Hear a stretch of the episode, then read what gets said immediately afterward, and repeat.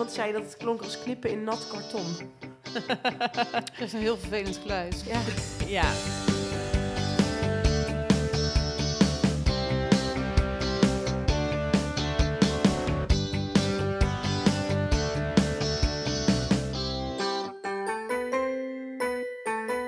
Wat fijn dat je luistert naar week 31 van jouw zwangerschapsweek, de podcast van 24baby.nl. In week 31 staan we uitgebreid stil bij de bevalling en dan vooral bij welke ingrepen er allemaal mogelijk zijn als het niet zo gaat als je misschien hoopt. We hebben verbazingwekkend veel te vertellen over het kraampakket. Ik heb er heel even ingekeken en toen dacht ik, oké, deze gaat heel snel weer dicht. En waarop verheug jij je het meest als je dadelijk niet meer zwanger bent? Voor we van start gaan, eerst nog even dit. Deze podcast wordt mede mogelijk gemaakt door de Rijksoverheid. Tijdens en na je zwangerschap komt er veel op je af. Met de checklist Een kind krijgen van de Rijksoverheid maak je makkelijk een persoonlijk overzicht. Ga naar rijksoverheid.nl slash kind krijgen, beantwoord enkele vragen en weet precies wat je nog moet regelen. Handig. En nu op naar de podcast. Hallo allemaal. Hallo. Fijn om jullie weer te zien in week 31. Ehm, ik wilde weer eens aftrappen met de bevalling. Daar hebben we het natuurlijk al vaker over. Ehm, maar ja, als er iets zich niet laat plannen in het leven, dan is het wel natuurlijk je, je bevalling. Wanneer die begint, hoe lang die duurt en hoe die verloopt. En, en daarom is het wel eh, handig om een beetje na te denken over de mogelijke scenario's. Zodat je in ieder geval je mentaal een beetje kan voorbereiden op wat er allemaal kan gebeuren. Dus daar gaan we het eens over hebben. Ehm, en moet ik er even voor we beginnen bij eh, zeggen dat we het nu niet uitgebreid gaan hebben over pijnbestrijding. Dat gaan we later nog een keertje doen. Ehm, maar goed, de meeste mensen die dromen natuurlijk van een, eh, zoals het heet, natuurlijke bevalling. Ik vind het eigenlijk een beetje een gek, gekke naam, maar een natuurlijke bevalling. En kijk even naar Maartje. Dat is een bevalling toch die zonder eh pijnstilling en zonder zeggen, ingrepen, zeg maar, van... Waar moeder natuur eh, haar ding mag doen. Ja. ja, Zo heeft moeder natuur het waarschijnlijk ook bedacht. Hè? Het is dat wij dingen willen plannen en die geen pijn willen hebben. En eh, eh, hoge moeder- en kindersterfte niet meer accepteren dat er allerlei eh, medische ingrepen bij zijn komen kijken. Ja, Ja, ja, ja. Maar over het algemeen is de Nederlandse tendens nog wel... we gaan het zo natuurlijk mogelijk eh, doen. Ja. ja. die de knikt. Is dat Ja. ook iets ja, wat jij... Ja, is wel mijn wens. Ja. Ja, ik noem het geen plan, want eh, je hebt, ik denk dat je alleen maar wensen kan hebben. Straks trek ik de pijn niet en eh, zeg ik, eh, geef, geef me maar gewoon alles wat, wat je hebt. Nee, maar eh, nee, het is wel echt mijn wens om, eh, om het zo natuurlijk... Ja, dat lijkt me toch gewoon het mooist. Ja. Ja, en ik denk, moeder natuur heeft het ook zo bedacht. Ja. Dus dan is de kans op risico's, complicaties, slechte uitkomst voor moeder en kind het kleinst. Ja. Ik weet trouwens helemaal niet of het klopt wat ik net zei. De meeste mensen dromen van een natuurlijke bevalling. Is dat eigenlijk wel zo? Of zijn er ook mensen die denken... nou, het kan mij wel gestolen worden, die natuurlijke bevalling. Doe mij maar een keizersnee. Eh, die zijn er, denk ik. Ja, zeker wel. Ja. Misschien dat ze er niet Sterker, allemaal voor... eh, volgens mij is er soms wordt er wel gedacht dat een keizersnee misschien makkelijker is. ja. Ja, Tenminste, dat wordt, dat wordt wel door, niet door iedereen hoor, maar soms is wel een beetje, lees ik van, nou, eh, jij hebt het maar makkelijk gehad als je een keizersnee hebt gehad. maar dat is meestal helemaal niet zo, toch? Nee, Tenminste, zo nee. ervaren vrouwen die een keizersnee hebben gehad... het meestal niet, toch? Van, En het oh, herstel al helemaal niet. Nee. Nee. Nee, maar je moet ook niet vergeten, een keizersnede is een noodingreep in 9 van de 10 gevallen, zeg maar. Ja. De meeste keizersneden die gedaan worden, zijn, we noemen dat ook wel secundaire sectio's, oftewel niet geplande keizersneden, die volgen eh, Na een bevalling eigenlijk. Misschien al na een bevalling, of Ja, omdat een kind in nood is of ja, zo. precies. Ja, de echte geplande keizersneden, dat eh, ja, zijn er gelukkig, als je het mij vraagt, een stuk minder. En dan moet je vooral denken aan bijvoorbeeld een kind in stuitligging. Eh, of nou ja, moeder en kind in dusdanig slechte conditie dat de bevalling eh, voor beide niet goed, eh, nou ja, niet goed afloopt, zeg maar. Dat je Ja. zegt eh, gelukkig eh, dat er Nou, niet veel geplande keizersneden zijn. Nou ja, dat zeg maar. Dat eh, over het algemeen vrouwen toch nog de kans krijgen om eerst natuurlijk te bevallen, zeg maar. Ja. Omdat dat voor het lijf natuurlijk wel zo bedacht is en het meest natuurlijk is. Want ja, het is makkelijk, hè. Keizersnee, je hoeft geen pijn te ervaren. Maar goed, die pijn krijg je dan zes weken daarna wel. Ja, kun jij uit ervaring Kan vertellen? ik uit ervaring vertellen, ja. En ehm, En het kan soms ook volgens mij best traumatisch zijn. Dat je het ene moment heb je je buik en het andere moment, zeker als Ja. het een noodingreep is, is ineens je, je, je kind weg. Ja. Ja. eh, En dan heb je het niet Ja. echt heel actief hebt- nee, beleefd. niet altijd. Soms gelukkig wel. Ja. Zeker bij gepland. Maar eh, Ja. het kan Ja. volgens mij best wel traumatisch zijn. ook. Zeker, ja, Ja. hoor. Ja, dat. En eh, nog even terugkomend op van, hè, gelukkig. Ja, want er zitten natuurlijk best wel veel risico's ook aan een keizersnede. Heel veel mensen denken van, oh ja, dat is de, de makkelijke uitweg, wat jij net ook al zei, Roos. Maar er zitten gewoon wel veel risico's aan voor moeder Zoals? en kind. Dus het is niet zomaar dat... eh, nou ja, voor een keizersnede heb je uiteraard pijnstilling nodig. Eh, dus in 9 van de 10 keer is dat in de vorm van een ruggenprik. Mhm. Nou ja, daar kunnen natuurlijk allerlei dingen bij, eh, bij misgaan. Dat zijn natuurlijk allemaal hele kleine percentages, maar ja, we kunnen ze niet, niet noemen. Eh er kan natuurlijk schade optreden door de keizersnede zelf. Ik bedoel, dan moet, het is gewoon Het is een operatie. het is gewoon een forse buikoperatie, Ja, zeker. Ja, ja. Je bloeddruk kan zakken, waardoor je eh, extra vocht binnen moet krijgen. Ernstig geval nog een heftige bloeding, waardoor eh, je bloed bij je moet krijgen. Noem alle risico's die überhaupt een, een operatie met zich meebrengen. Maar zijn, is dat echt meer dan de risico's die bij een natuurlijke bevalling komen Ja. kijken? Ja, en het grootste risico zit hem nog met name in een volgende zwangerschap en bevalling. Oh ja. Dat vergeten heel veel mensen. Over het algemeen krijgen we in Nederland meer dan één kind. Eh, dus bij een volgende zwangerschap kan die, hè, die moederkoek die weer zich gaat innestelen in die baarmoederwand, die kan op dat litteken gaan zitten. Die kan zelfs door dat litteken heen, eh, zeg maar, op je blaas groeien. Het kan zo zijn dat hè, die moederkoek, omdat hij op dat litteken is ingegroeid, bij weeën los gaat laten. Nou, dat zijn, dat, ja, als je daar niet op tijd bij bent, dan is dat 9 van de 10 keer fataal voor kind. En ook moeder kan daar eh, ja, leven lang letsel van, eh, van overhouden. En dat is echt niet om het nu allemaal hè, hoeft, doemscenario's. hoeft niet per se, toch? Je nee, kan wel twee nee, keer het zijn, een, het zijn natuurlijk hè, kleine percentages. Ja. Maar het zijn wel dingen die wel ook door artsen natuurlijk meegenomen worden in hun besluit van wat gaan we doen. Ja, ja. ja. ja. En, eh, en wat ik al zei, het is over het algemeen een noodingreep. Dus dan is, is, is nou ja, de risico's die zeg maar de ingreep met zich meebrengen zijn verwaarloosbaar voor Ten de opzichte risico's van het niet doen. Ja, juist, of hè, een ander beleid. Ja. Ja. Dus eh, Maar je Maar kan ook- dus niet zeggen van, nou, ik wil met een keizersnee bevallen, dus doe mij maar een keizersnee. In principe niet, zeg ik erbij. er zullen vast wel Gynaecologen, zorgverleners, ja, over het algemeen natuurlijk gynaecologen die daar een, een eindoordeel in kunnen nemen, die eh, eh, nou ja, met iemand daarin meegaan.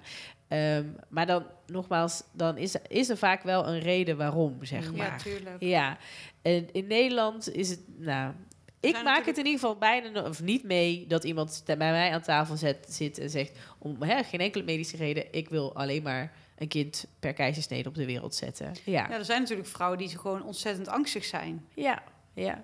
Maar dan moet je je afvragen, word je minder angstig van een keizersnede? Want Ja, Gevoel van niet. controle misschien. Vaginisme. ja, Ja, of Ja. inderdaad, dat je Ja. eh, eh, moeite hebt met dingen in je bekkengebied inderdaad. Ja. Ja.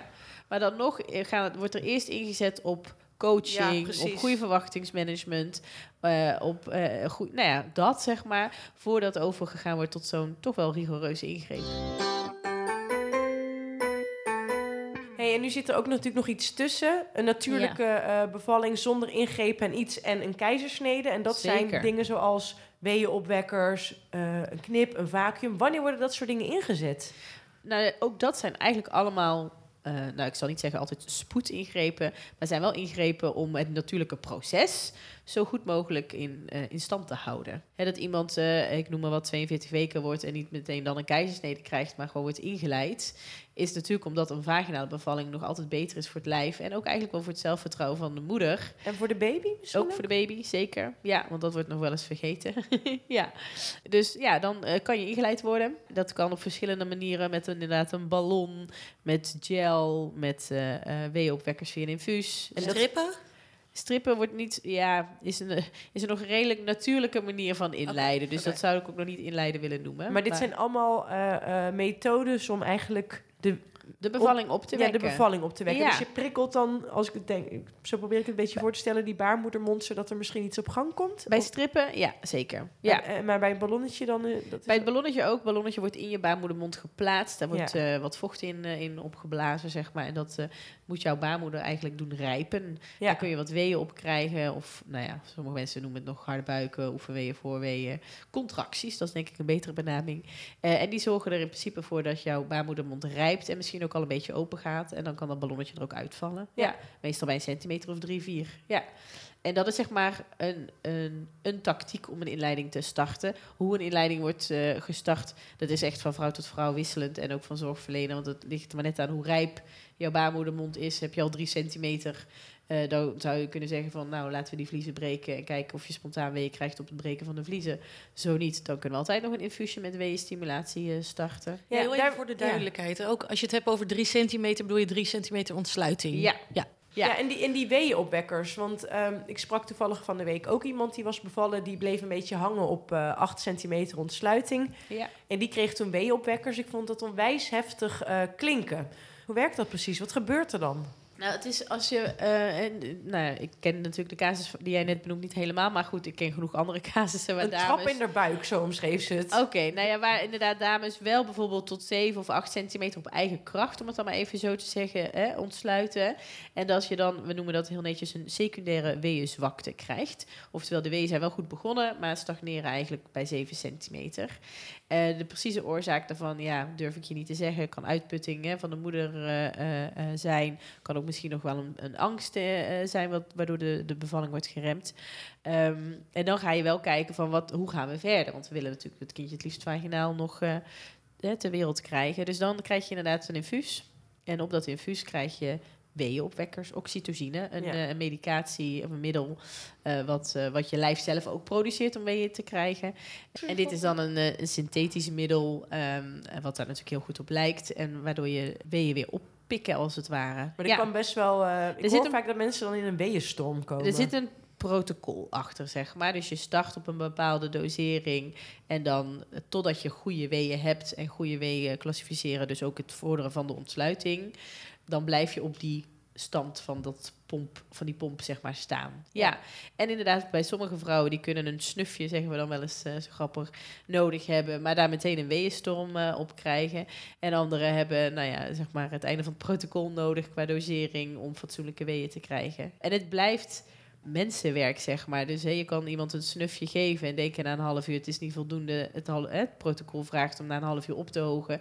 Dus dat doe je netjes. En na een uur pakt het lichaam eigenlijk pas die medicatie op en heeft mevrouw ineens een weeënstorm. Ja. Ja, zolang moeder en kind dat aankunnen, is daar op zich niks mis mee.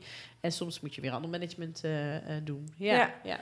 En dan eh, het laatste dingetje waar ik het over wilde hebben... zijn de knip en de vacuüm. Hoe, hoe vaak Ja. wordt dat nou eigenlijk ingezet?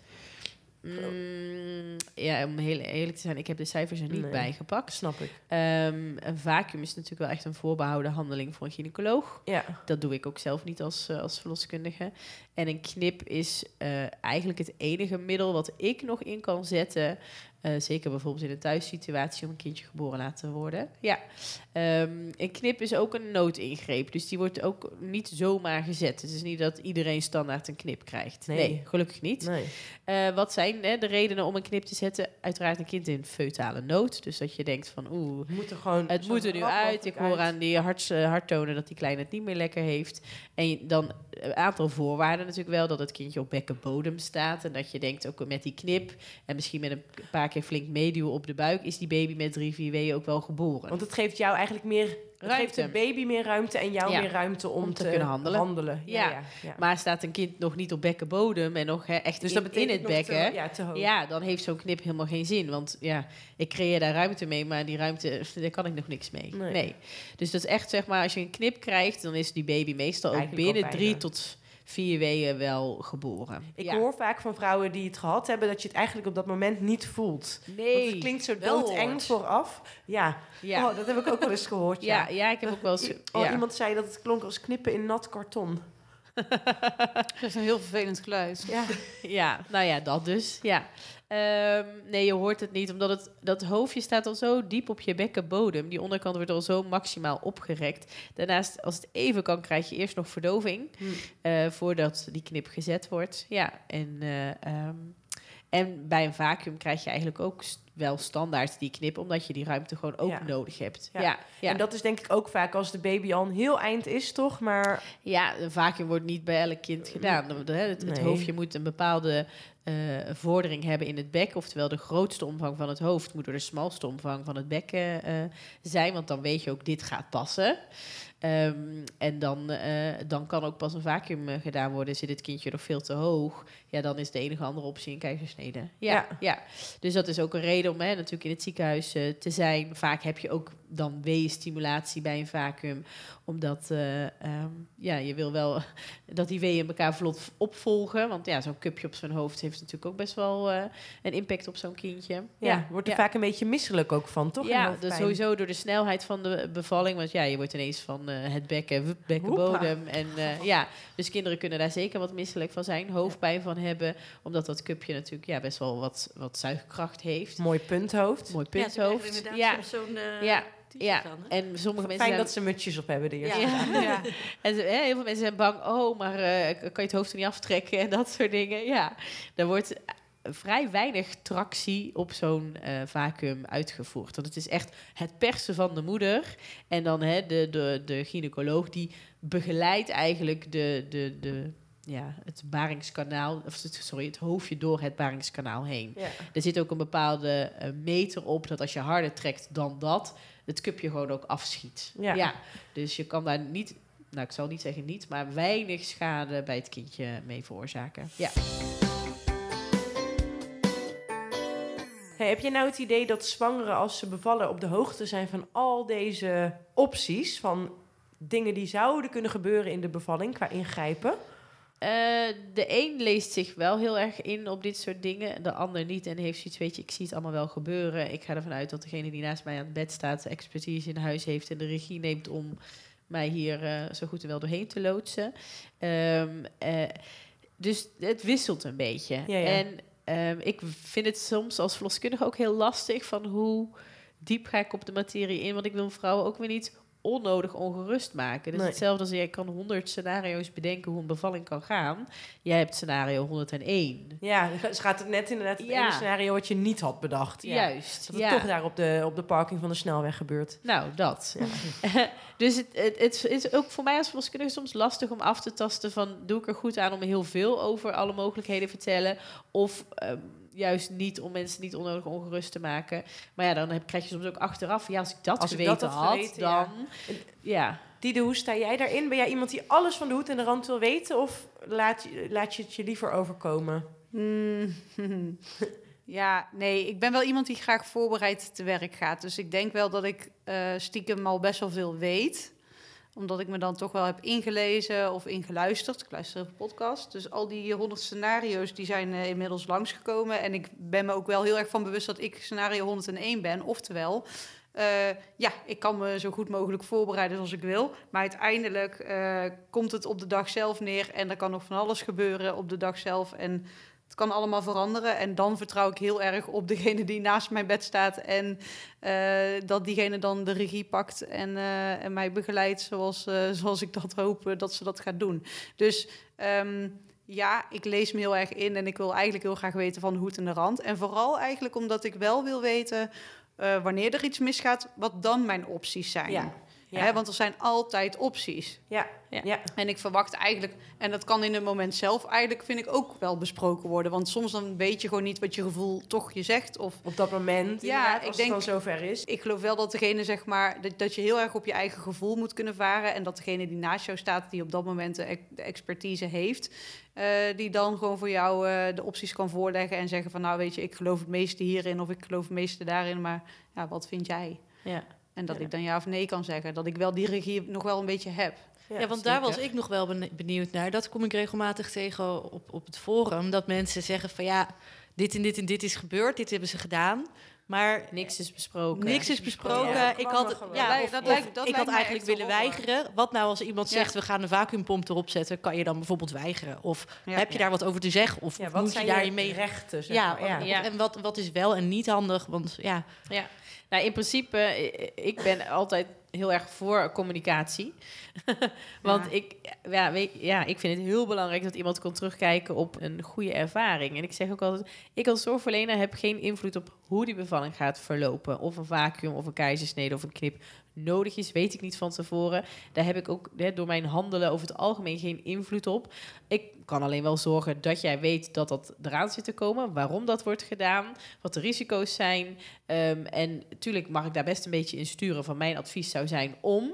Ja. Maar wel dat je met elkaar in het gesprek gaat en dat je samen dat, dat besluit neemt, zeg maar. En niet dat iemand over je rug denkt van nou, deze mevrouw eh, A heeft eh, dit nodig, dus dat gaan we doen. En voor je het weet eh, heb je die knip of zo. Ja, en zelfs in een spoedsituatie heb jij 20 seconden de tijd om even tegen meneer en mevrouw te zeggen van dit is de situatie. Of mevrouw en mevrouw. Of mevrouw en mevrouw, zeker, ja. Ja. Eh, om te vertellen van, hey, dit is de stand van zaken. De baby moet er nu uit. Ik wil dat op die en die manier eh, gaan doen. Er zijn er maar heel weinig die zullen zeggen van, nou, ik weiger die knip of ik weiger die vacuüm. Ja, want je, tuurlijk mag je weigeren. maar wat dan? Ja. Ja, Ja, weet je. En eh, eh, in principe is een zorgverlener die staat daarnaast om de beste zorg aan jou te geven. Dus dat zal hij of zij jou ook adviseren. Dus je kan wel zeggen, ja, ik- ik wil dat niet. Oké, dan wil je iets anders, maar dat is dus niet de beste zorg. Ja. Ja, Maar toch heftig, hè? Dat inderdaad uh, was een tijdje geleden op Twitter ook... dat veel mensen hun bevallingsverhalen ja, gingen delen. Hm. En dat waren dan uh, voornamelijk negatieve ervaringen. ja. Toch erg dat, dat het veel vrouwen overkomt... dat ze het uh, ja, toch als traumatisch ervaren. En dat, dat zit hem dan eigenlijk bijna altijd vooral in... dat ze het gevoel hadden niks meer te zeggen te hebben over hun eigen Ja. lichaam. Of Ja, aan ja, de of hand dat het overgelaten. Ja, Ja, of wel. uh, dat ze zich niet gehoord voelden. Dat, Ja. ja, dat, uh, dat. dat. er achteraf iets aan de hand blijkt te zijn. Uh, hoorde ik laatst het verhaal van Soendos. Ja. Dat zij heel veel pijn uh, had. En dat ze dacht van ja, dit is niet goed. En, uh, maar dat zij, zij werd gewoon niet gehoord, gehoord. in haar... Ja, ja. En ja, ja, ja want, want bevallen doet nou eenmaal Ja. pijn. Ja, Ja, ja. maar dit is wel... Wat was er bij haar aan de hand? Ja, ik kan mij niet zo goed meer herinneren. Sorry, Soendos. Gaan we opzoeken. Ja. Ja, nee, maar dat is eigenlijk als vrouwen zeg maar niet goed terugkijken op een bevalling, is het vaak niet over hoe het verlopen is, maar communicatie. de communicatie daarin, de zorgverleners. Ja. Ja. En ik heb zelf een keer een casus meegemaakt. Die dame die beviel echt ontzettend goed, hartstikke vlot. Had uh, eigenlijk een rugprik gewild, maar kon die niet meer krijgen. En was achteraf hartstikke ontevreden. Dat ik dacht, uh, maar je bent toch volgens het boekje bevallen?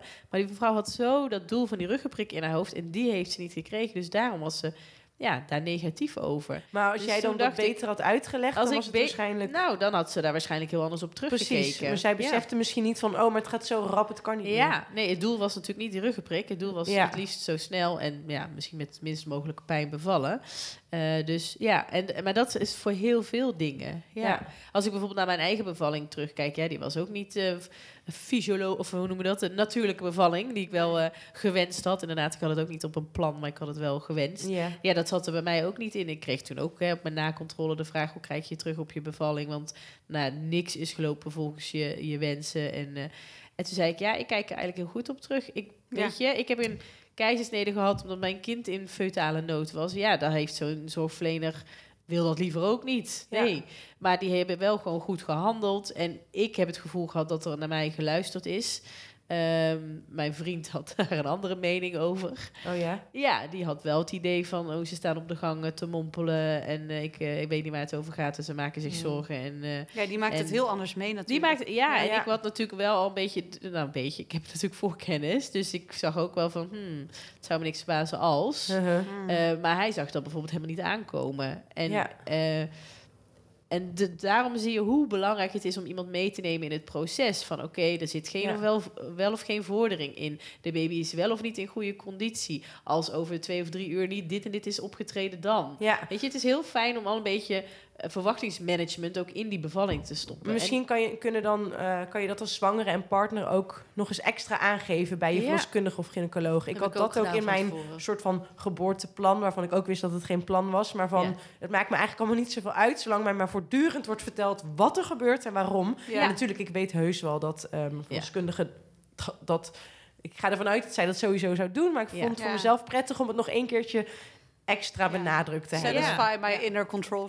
Ja, precies. Maar weet je, zo'n zo'n bevalplan is... Want nee, hè, ik zeg ook altijd... Dat bevalplan, tuurlijk. Had ik hè, de, de power, dan liet ik al mijn dames zo bevallen. Hoefde ik niemand over te dragen voor wat dan ook. Hè, dan, goed, dat, dat heeft niemand. Dat is een utopie. Eh, maar daarom is het ook heel goed om dat dingen op papier te zetten. Want je kan er niet van uitgaan dat de verloskundige... Hè, bedoel, ik zie die de, als solist natuurlijk eh, eh, negen maanden zelf. Of nou ja, ik heb één collega die haar ook af en toe... Maar goed, twee collega's die samen hè, op dezelfde manier werken. Maar... Dat wil niet zeggen dat, dat ik die dus bevalling ook ga begeleiden. Ik hoop het natuurlijk van harte. Maar daar hoeft, ja, daar kan een kink in de kabel komen waardoor ik het moet overdragen. Mhm. Dan is het heel fijn als die zorgverlener in het ziekenhuis, waar ik dan even van uitga, de zorg kan overnemen waar ik ben geëindigd en op dezelfde manier. Dus Ja. hè, weet van, oh, dit zijn Diedes wensen, dit vindt ze, heeft ze ook vaandel staan. Ik hoop gewoon dat jij eh, mijn babytje op de wereld zet. Dat hoop ik ook niet. Zo, het was een hele bevalling, dit ge- gesprek over de bevalling. nou, Ik hoop dat jullie er allemaal nog zijn. En dat jullie ook nog zin hebben in je bevalling. Want ehm, dat helpt, denk ik, een beetje. In ieder geval, het heeft niet zoveel zin om er nu al over te panikeren. Voor die bevalling moet je ook iets in huis hebben, namelijk het kraampakket. Ja, Diede, kan Ja. je die afvinken van je to-do-list? zeker. Ik, eh, ik heb hem besteld bij mijn zorgverzekeraar. En geunwrapped? Ik heb hem opengemaakt. Ik heb een hem even... unboxing video van gemaakt. ik. Ik heb er heel even ingekeken. En toen dacht ik, oké, deze gaat heel snel weer dicht.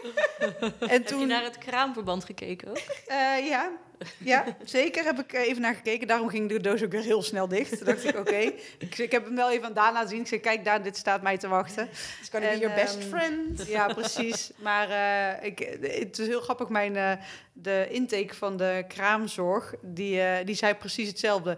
Ja, je mag hem open doen, maar ook gelijk weer dicht doen. Want je hoeft er helemaal niet in te kijken, dat doen wij wel. Ja. Toen dacht ik, oh, dat is heel fijn, want dat was precies wat ik heb gedaan. Het is ook heel fijn als die gewoon compleet in de doos gewoon Daar ergens staat. staat. Hij staat in in plaats van- compleet in de doos. Ja. Ja. maar ik heb wel eens kraamverbanden Dat ze wel in leuk dit hebben laadje, het Oh, ja. navelklemmetje in moet het je zoeken. babydingetje. Ja, Nee, en het ik is, heb gewoon heel de doos, inclusief het cadeautje wat ik erbij kreeg, heb ik gewoon... eh, Dus dat is de tip, inderdaad. Laat het ook lekker in de doos. Ja. Ja. want het kraampakket, daar zit dus alles wat jij als verloskundige nodig zou kunnen hebben bij een thuisbevalling, hè, zit erin. Dus Ja. eh, inderdaad. Eh, de, de disposables. Nou, Nee. wou zeggen, de disposables, zoals we dat zo mooi noemen. Precies. Want ik kom zelf ook nog met drie tassen binnenstappen. Maar, maar ja, het belangrijkste daarvoor, nou ja, persoonlijke verzorging, om het maar even zo te noemen, dat zit erin. Ja, dus het navelklemmetje, maar ook en, en gel en... eh, Ja, handalcohol, gewoon alcohol, gaarsjes. Ja, net broekje. En inderdaad, als je, de, als je een aanvullende verzekering hebt voor zwangerschap, dan, eh, dan wordt die vergoed, hè. Maar je kan hem anders ook gewoon kopen in de winkel. Ja. En je hebt hele beperkte, waar gewoon alleen de basics in zitten. En je hebt echt hele uitgebreide. Ik zou niet weten wat er dan... Ja, die kun je bij inderdaad zit. kopen. Je hebt van die natuurlijke boxen. ja, Ja, ja, en met lekkere Ja. cremmetjes en Ja, dingetjes. echt van die krijg er van alles bij. Ik zat nog Ja. wel te denken, of zal ik dat dan gewoon? Dit ziet er veel leuker uit. Maar Ja. toen dacht ik, ja, Ja. die dus stel je niet aan. Je hebt er eentje, dus... Ja, nee, maar er zijn inderdaad ook nu natuurlijke kraampakketten Ja, op de oh, markt. goed. Vind ik wel weer heel mooi. Ja, ja, ik ook. Wat meer Ja. ook voor duurzaam, minder plastic, noem het maar op. Daar Ja. zit ook vaak een koord ring in. Nou ja, dat wou ik ook, dus, Ja. eh, dat wou ik ook nog aan jou vragen, inderdaad. Want in het kraampakket zit zo'n klemmetje... wat ze dan dus op eh navelstrengetje doen van je kindje. Maar tegenwoordig hebben veel meer mensen gebruiken een koordring. koordring. Kan Ja, ik had Oh ja, dat heb ik ook gehoord. Niet gebruikt. Ik Nee? zei, ik wil de koordring, maar ik was op het laatste moment door iemand anders overgenomen. Die zei, nou dan moet je hem er zelf later maar even op doen. Toen dacht ik, oh, nou ja, maar. hoe dan? Dan de klem, dan, dan maar, dan maar Maar de klem. ik, ik heb ervan gehoord, maar ik heb er eigenlijk helemaal niet, nog niet in verdiept wat het is. Wat is het? Het is een, eh, een, eh, ja, een ringetje, een plastic ringetje. Zit aan een soort van lipje, of ja, ik noem het maar een beetje een handvast, handvat vast. Ja? En eh, wordt gebruikt in plaats van de navelklem. Want dit ringetje, zeg maar, dat is elastisch. Dat plaats je dus over het laatste stompje eigenlijk van het navelstrengetje. Ja. Het handvaartje knip je af. En dat plastic ringetje, dat sluit eigenlijk alle vaten in een navelstreng. Wat een navelklem ook doet. Maar navelklem is groot, plastic, zit vaak in de weg als je aan het verschonen bent. Oh. Enzovoort. Dus zo'n siliconen ringetje Tenminste, het kan van latex zijn, kan ook geloof ik Het is gewoon veel zijn. fijner. Het is iets fijner inderdaad in de verzorging van het kindje. Ja, nou, die Ja. wil ik ook. Trouwens, het is wel ook als je in het ziekenhuis gaat bevallen, haal wel ook zo'n kraampakket in huis. Zeker. Uh, want je weet natuurlijk nooit hoe het helemaal loopt. Stel je bent toch thuis en het gaat ineens heel vlot, dan heb je toch alles in huis. Ja, en daarom heet het ook een kraampakket. Want er zit ook heel veel spullen in voor je kraamperiode. Zoals Net dat zoals- verband. Net zoals dat verband, Ja. doorlekmatjes, gaasjes voor de verzorging van Alcohol. Te alcohol. Dus het is echt niet alleen maar een bevallingsdoos. Het is zeker ook voor je kraamweek. Het is wonderlijk hoeveel wij over zo'n kraampakket kunnen vertellen. Maar ik wil er ook nog iets aan toevoegen. Namelijk dat als je dingen over hebt, dat je het niet zomaar weg moet gooien. Nee. Maar je kan het vaak inleveren bij je verloskundige. Of er zijn speciale punten in je gemeente. Moet je even googlen. Dan kun je restanten inleveren. En die gaan dan bijvoorbeeld naar landen waar eh, kraamvrouwen eh, wat minder makkelijk toegang hebben tot, eh, tot deze producten. Ehm, dus ik heb mijn kraampakket, eh, de restanten daarvan, toevallig bij Maartje ingeleverd. Waar is het naartoe gegaan? Weet je Eh, bij ons gaat het naar Suriname. Nog even ter afsluiter, Diede. Heb jij er al over nagedacht dat nou, als je daar bent bevallen, wat wil je gaan? Wat, wat is het eerste wat je gaat doen? Iets wat je nu niet kan doen, maar wat wel weer kan als je niet meer zwanger bent. En misschien ook eventjes zo uit die kraamweek bent. Ik bedoel, eh, gaat natuurlijk misschien niet. eh, oh mijn god, ik heb niet- geen idee. Ja, de gewoon eh, dingen eten die ik niet mocht eten, denk ik. Dus eh, dat betekent dat bier, broodje tonijnsalade en, en, eh, en, en, eh, en sushi. Ik vind toch dat je ze snel op een rij hebt. Ja. Biercoach, snijsalade, sushi. Ja, ik heb Net zei ze nog, ik heb geen idee, ik heb geen idee. Ja, ik heb echt geen idee. Maar ja, dat is, ja, het enige wat ik denk is dat ik wat ik nu niet mag of doe, eh, is eten. Bepaalde dingen eten of drinken die ik niet mag drinken. Dus ik denk, ja, dan, dan is dat het eerste. Ik kan eigenlijk niks anders bede- Ik ontzeg mezelf verder helemaal niks. Nee. Of tenminste, Nou ja, ik, ik weet er misschien nog wel eentje. Op je buik liggen. Ja, maar dat lijkt me ook pijnlijk. Na die eerste, na die, ik weet niet. Nee, nee, kijk je er Nee. niet naar uit? Nee. Ja, ik heb bij andere vrouwen gekeken en die zeiden echt eh, op nummer Op mijn 1 rug staat liggen. echt eh, op mijn buik. Nee, Ja, op mijn rug liggen. rug. Kan dat niet meer? Nee, niet nee, meer? dat lukt mij niet. Nee, dan krijg je geen lucht meer, toch? En geen, Ja. geen eh, zuurstof meer in je- Nee, ik vind echt op mijn rug liggen echt al heel lang helemaal, helemaal ruk. En ik lig op mijn rug. Ik slaap op mijn rug. Ah, Dus ja. ik kan vaak, daarom slaap ik ook wel slecht. Omdat ik maar op één zij kan liggen. Ja. Wel Ja. lachen inderdaad op je buik slapen. Dat zat er bij mij ook echt niet in. Want ik had en een keizersnede wond. Ja. en lekker de tieten. Ja, ja, oh, ik wou net zeggen, ik denk dat doet toch pijn Dus in je borsten? Ik wou net zeggen, volgens mij voordat ik op mijn buik sliep... was ik weer inmiddels uh, anderhalf maand verder of zo. Ja, dus Maar daar kan je ook naar uitkijken. Oh ja, dat is waar. Het is, niet, het is niet van wat je meteen de dag neemt. Nee, oké. En had je nog meer eh, van... De, Nou, eigenlijk, eh Diede, die, die, die, ik had even een top, top 4 gemaakt. Diede, die tikte ook al meteen het eten aan. Ik zag Ja, vooral carpaccio, malse biefstukjes, sushi, tonijn, Ja, tonijn. zalm, Ik heb dus echt al heel lang twee van die blikjes tonijnsalade, eh, tonijn in mijn, in mijn la liggen. En ik zit er dan naar te kijken. En ik heb de afgelopen weken zoveel zin in tonijn. Dat ik denk, En dat kan je wel meteen aan je wel. ik bevalling denk, doen. ja, ik, nou ja, ik denk misschien dat het voor mijn bevalling ik al denk dat dat wel gaat. kan. Gewoon, ja hoor. Dat kan Gedoseerd. ja. Ja, precies. Ja. En wat nog meer? ook. Veel alcohol. Dus, eh, Veel alcohol. een Speciaal biertje. alcohol, een veel alcohol. Nee, ja, maar iedereen noemt gewoon... eh, Speciaal biertjes heb ik ook Speciaal echt biertjes. oprecht heel veel zin in. ja, ik Ja. zag gin tonics, eh, amaretto. Iemand die had al een fles wijn uitgekozen. Oh ja, oh leuk. Ja, dus eh, die, dat stond al helemaal klaar. Eh, en het laatste was energiedrank. Mensen die Dit echt energiedrank missen. Oh, maar daar kan je wel verslaafd aan zijn natuurlijk. Ik had het wel een beetje met koffie. Dat ik Ja, dronk niet- je nog niet- wel? Ja, niet dat ik dat niet dronk tijdens mijn zwangerschap, maar gewoon was vooral na eh, de borstvoedingsperiode gewoon zonder erbij na te denken zoveel koffie, Koffie. mogen drinken als ik wil. Ja, ja dat mis ik en wel nooit bij beetje. koffie zo'n schuldgevoel hebben van "Mo- ik neem een tweede of derde kopje, eigenlijk mag het niet. Of Ja. oh, ik moet over een Oh, kwartier ja. weer voeden. Nou, Ja. echt dat dat voorbij was, oh, vond ik zo fijn. Ja, Ja, dat geloof ik heerlijk. ook wel dat dat fijn, eh, Ja. fijn is. Ja. Ja. Ik had een, eh, ik ben natuurlijk twee keer maar, maar bevallen, maar onze bevaltraditie is eh, dat Emiel dan eh, tijdens de, als de bevalling is begonnen, naar de supermarkt ging om eh, heel veel zalm en haring en Zalm. dat soort dingen te halen. Kon je dat dan ook echt eten daarna? Nee, nee, maar dan had ik gewoon, jawel daarna, gewoon had ik iets om eh, naar uit te kijken. Ah. Weet je Ik stond laatst op de markt en Dani had zin in haring. Ik zeg, doe mij er ook eentje. Dus ik sta, ik sta daar die haring op te eten. Ik denk, die mag ik helemaal niet hebben. Nou, dat was Nou, drie jaar geleden mocht het nog wel. Ik wou net zeggen, als het echt verse Ik weet haring niet hoe vers het is als het van de markt komt. Ik weet Ja. niet. Maar wel opgegeten en wel van genoten? Nee, ik heb hem op de helft van de helft, toen dacht, kwam het besef, toen dacht ik, ja, nou vind ik hem ook niet lekker meer. Nee, dan Oh, kan je ja. er ook En, niet meer van By genieten. the way, ik vind haring helemaal niet lekker. Dus misschien is dat een vreemde zwangerschapscraving of zo. ja. Maar ik had echt zin. Ik heb denk wel meer zin in. eh, ik denk dat ik ergens een tekort heb, want ik moet echt vis eten van, van mijn Omega. lijf. Omega 3. Ja, ja. Ja. ik heb ergens tekort. Dat is grappig dat je dat nu, eh, nu eh, benoemt, eh, Diede. Want Ja. ik had nog eventjes gekeken, was belangrijk bij de baby. Juist inderdaad, vette vis. Ja. De omega-3 is nu heel belangrijk om voor de aanleg van no- nog meer hersenverbindingen. Ja, dus voel daarom. je niet Dus, schuldig ja. over dat haringkie. Nee, precies. Hey, bedankt dames weer voor alles. Ik eh, spreek jullie graag volgende week in week Yes. 32. Tot volgende week. Doei. Leuk dat je luisterde naar week 31 van jouw zwangerschapsweek, de podcast van 24baby.nl.